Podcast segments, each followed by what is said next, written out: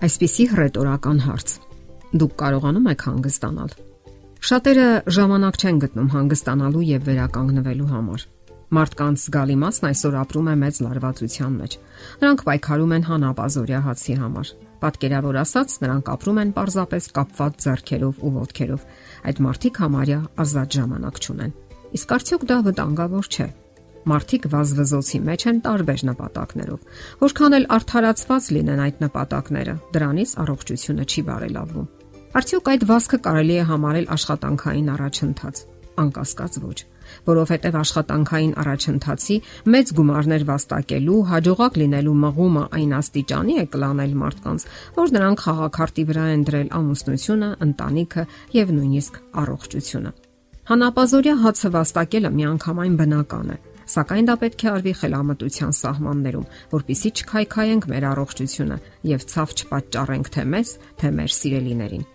Դժվար չէ գիտակցել, որ մեր օրգանիզմը սահմանափակ հնարավորություններ ունի եւ այդ պատճառով մեզ հանգիստ է պետք վերականգնվելու համար։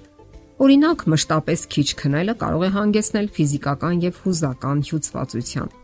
Որքան էլ մենք ուժեղ լինենք եւ երիտասարդ, մեր մարմիններին հանգիստ է անհրաժեշտ, որովհետեւ մեր ուժերի չարաշահումը վաղ թե ուշ զգացնել է տալու։ Ասենք որ քունը դեղամիջոց է հոգնածության դեմ։ Լոմալինդայի համալսարանի օշտված ուսանողներից մեկը նկատում է, որ ինքը պարզապես մարում է ոտքի վրա։ Նա արթնանում էր առավոտյան ժամը 4-ին եւ աշխատում մինչև կեսգիշեր, որpիսի գերազանց ավարտի համալսարանը։ Չնայած իր բոլոր ջանքերին, նա պարզապես հյուծվեց եւ ավելի ու ավելի հետ մնաց դասերից։ Հուսահատության մեջ նա խորուրդ հարցրեց իր դասախոսներից մեկից։ Վերջինս լինելով խորաթափանց մարդ, հասկացավ իրավիճակը եւ խորուրդ տվեց ամեն օր քնել առնվազն 7 ժամ, չնայելով ոչ մի բանի։ Դրանից բացի նա պետք է ամեն առավոտ կես ժամ երանդուն մարմնամարզությամբ զբաղվեր։ Ուսանողը սկզբում թերահավատությամբ ընդունեց այդ խորհուրդը, սակայն այլ ելք չունենալով իրականացրեց այն։ Իզարմանս իրեն արդեն երկու շաբաթ հետո նրա գնահատականները բարելավվեցին։ Տարվա վերջում նա դարձավ խմբի լավագույն ուսանողներից մեկը եւ ի վերջո հաջողությամբ ավարտեց համալսարանը։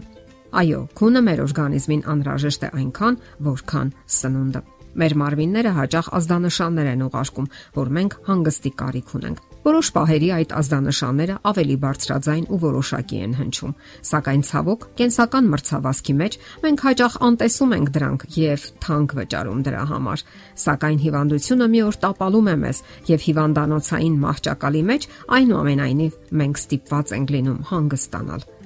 Իսկ դրանից կարելի է խուսափել։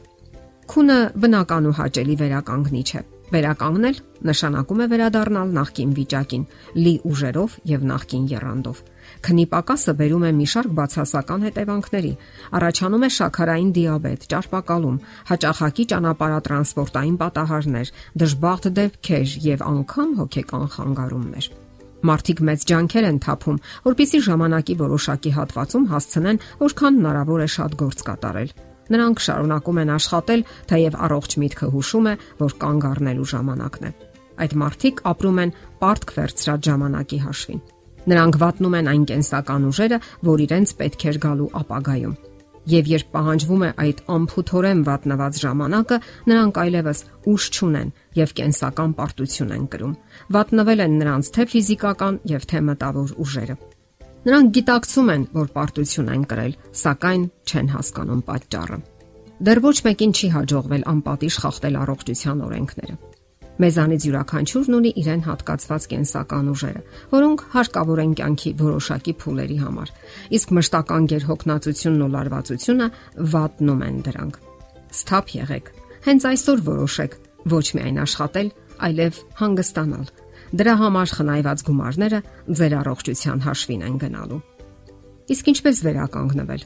Հոգնածությունը հարկավոր է հաղթահարել ոչ թե խափուսի գեղանակներով, այլ միանգամայն իրական եւ գործուն միջոցներով։ Ամենագործուն միջոցներից մեկը ֆիզիկական վարժություններն են եւ ակտիվ կյանքը։ Ասենք որ пассив կյանքը ավելի արագ եւ շատ է հոգնեցնում, քան երանդուն կյանքը։ Միջին մակարդակի ծառայողը, որը համակարգչի կամ այլ գործի վրա է ամբողջ օրը, պետք է նվազագույնը 19 կիլոմետր քայլի, որpիսի փոխհատուցի իր пассив կենսաձևը։ Թիվը գուցե սարսափելի թվա, սակայն ավելի լավ է պատկերացնել, թե ինչ է կատարվում ձեր օրգանիզմում, եթե այն անշարժ է մնում։ Հաստատված փաստ է, որ նստակյաց կյանքը վտանգավոր հետևանքներ է թողնում մեր օրգանիզմում։